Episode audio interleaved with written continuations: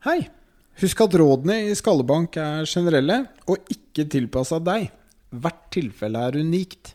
Derfor anbefaler vi at alle med hjernerystelse eller mistanke om det oppsøker kompetent helsepersonell for en individuell vurdering. Her kommer episoden.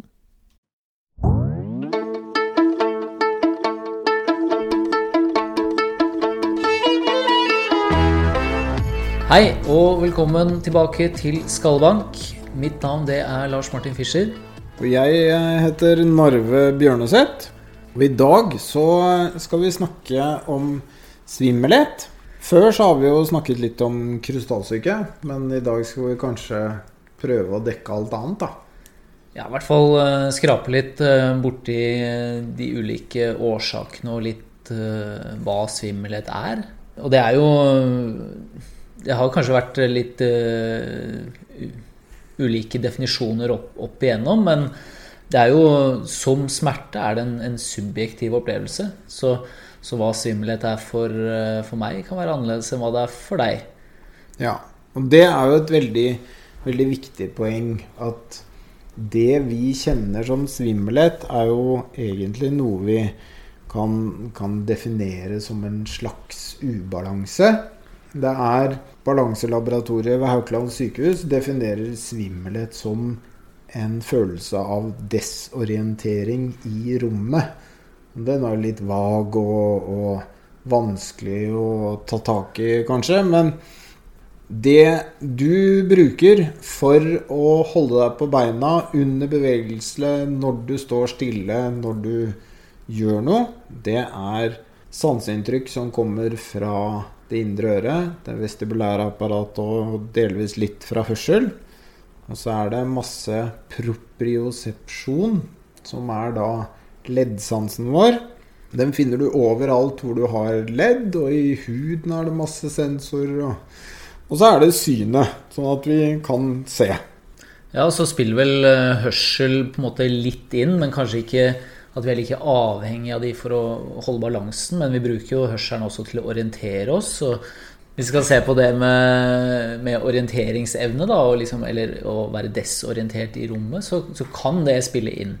Men, men, som Narve sier, så er det jo primært de tre, altså balanseorganet i øret, synet og det vi kaller propresepsjon. Da. Og det, det, er signaler som vi får fra over, overalt i kroppen. Og det er et kontinuerlig input-output-system. Og det betyr jo veldig enkelt at, at eh, hjernen din får hele tiden tilbakemeldinger fra kroppen om hvor kroppen er. Hvor er hodet i forhold til nakken? Hvor er beina og resten av kroppen i forhold til jorda? Står øynene fast på et punkt?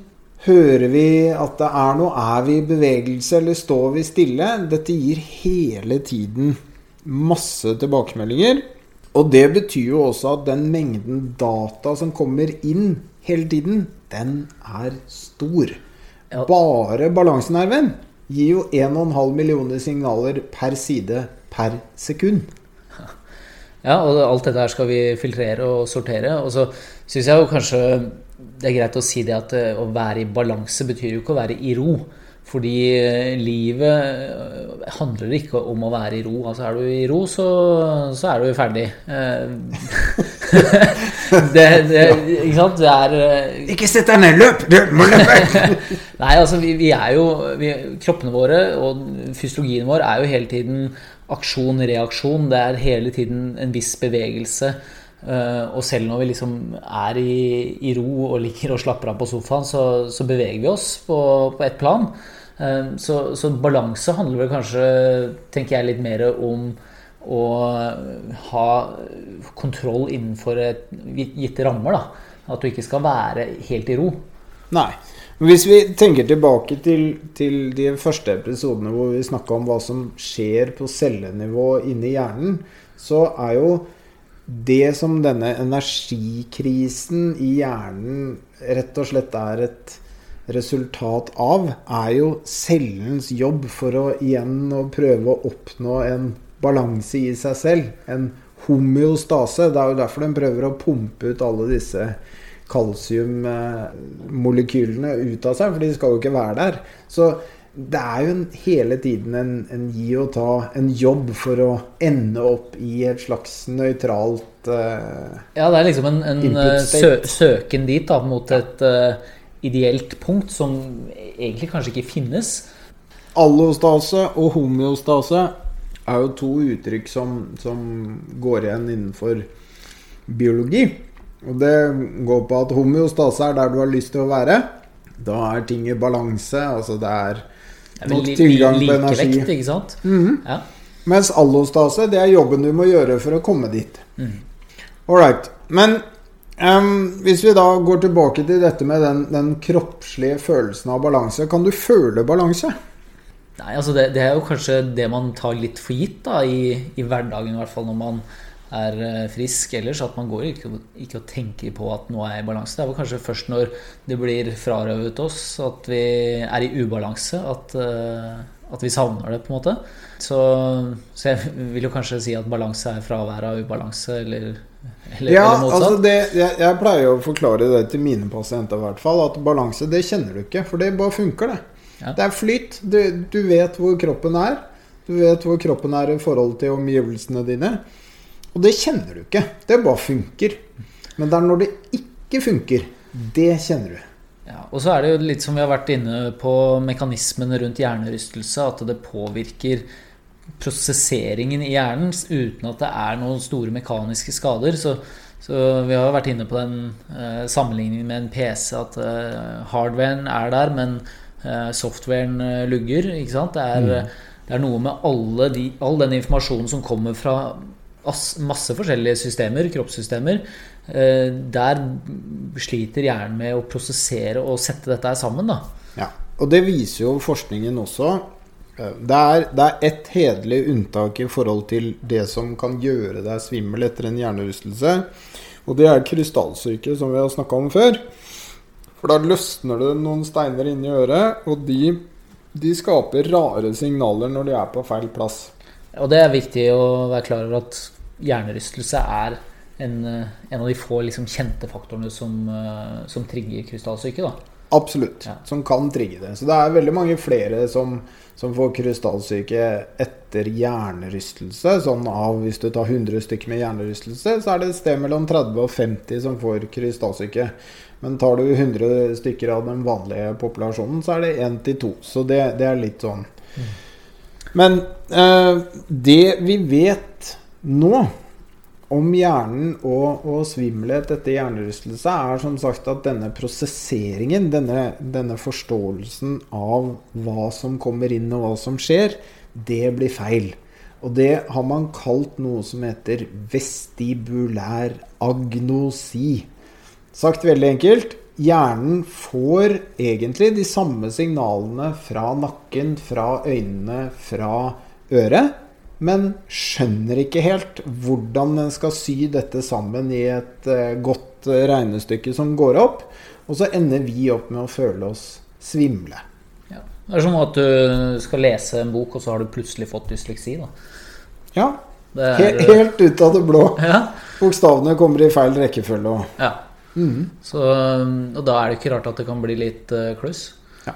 Men der er jo behandlingen for det er det vi kaller vestibulær rehabilitering. Og det er jo egentlig ganske gamle eh, prinsipper som har blitt brukt. Det ble faktisk eh, initiert av noen forskere på, på 30-tallet. Eh, der man prøvde å få eh, soldater som hadde fått eh, shell-sjakk, altså Granatsjokk. Trykk, ja, Eh, granatsjokk etter første verdenskrig. De var jo ganske ute å sykle. Og så så man det at å gjøre spesifikke øvelser med øynene og med hodet, det gjorde de raskere bedre enn å ikke gjøre noen ting. Mm. Og så har det etter hvert blitt sydd sammen til et treningsregime som kalles vestibulær rehabilitering. Og det man prøver å gjøre der, er jo å, å sette sammen øvelser som stimulerer sanseapparatet, eller egentlig hjernen, til å skjønne hva sanseapparatet gjør. For vi vet som sagt at det er ikke noe feil i sanseapparatet, men det er forståelsen. Og da må du øve for å forstå det bedre. Ja, det, hjernen trenger rett og slett å, og øve på det som den, den, sliter med, og så øve igjen og lære seg på, på nytt å lese, lese, signalene og tolke det. Og det er jo liksom den, den svimmelheten, eller kvalme kan man jo også oppleve, er jo når liksom ting ikke henger på greip. Hjernen skjønner ikke hva som foregår. og og det kan også henge sammen med denne, denne reaks, kroppslige reaksjonen man kan få når man blir forgifta. Eh, at hjernen kan tolke at når ting ikke henger på greip, så mistenker man at man blir forgifta. Derfor kan man bli kvalm og uvel også. Ja, vi er skrudd sammen ganske rart. Det er eh, vi er laga over en gammel lest der det eneste grunn til å bli kvalm var at du hadde spist noe rart. Ja. Mens nå er det jo vel så mye andre input som kanskje gjør det. Men det er i hvert fall et veldig veldig stressa nervesystem som ender opp i å tenke Shit, jeg har spist noe gærent, nå må jeg spy. Men øh, dette her er jo et massivt uh, felt, så vi kunne jo sikkert prata mye om uh, de enkelte delene også. Ja. Men du som har jobbet mye med svimmelhet, Narve, er det Eh, mulig å trene seg eh, opp igjen eh, hvis man sliter mye med dette? Altså, som, det er jo det mantraet vi har pusha ganske mange ganger gjennom disse episodene våre, at hjernerystelse er en forbigående behandling. Men det vi kanskje skjønner mer og mer og mer av nå, og som jeg også skjønner selv, som var en feil jeg på mange måter gjorde, var jo at det er litt viktig å begynne i riktig ende. Så selv om du er svimmel etter en hjernerystelse, så vet vi at det er denne opphopningen av, av stoffer i hjernen som er mye av, av, årsaken til at du går rundt og føler deg dårlig. Og derfor kommer nå, for min del, fysisk aktivitet på et mye tidligere tidspunkt enn det du gjorde før, i måten jeg rehabiliterer hjernerystelsespasienter. Mm. Det kan hende at jeg putter inn vestibulær rehabilitering på et eller annet tidspunkt, men da skal jeg være sikker på at du tåler fysisk aktivitet først. Ja, og det er jo Det får vi ikke sagt uh, ofte nok, da, men, men, fysisk aktivitet er på en måte den medisinen som kan påvirke flest mulig systemer. Så selv om uh, symptomene i utgangspunktet er, er svimmelhet, da, eller det kan være syn eller hodepine eller kvalme eller konsentrasjonsvansker, så, så, kanskje man tar tak i det mest basale først. Og så se hvor man havner en da. Så kanskje man slipper å jobbe så veldig sånn spesifikt med svimmelhet eh, da. Det kan hende det må til, men ikke alltid. Men da håper jeg dere hører på seinere også. Vi har mye mer å dele. Nå har vi jo begynt å få litt spørsmål òg. Det syns vi er veldig, veldig gøy. Ja, fortsett med det. det. Det setter vi veldig pris på at dere tar kontakt og kommer med innspill og ris og ros. Så till next time. Vi høres. Vi høres. Ha det bra.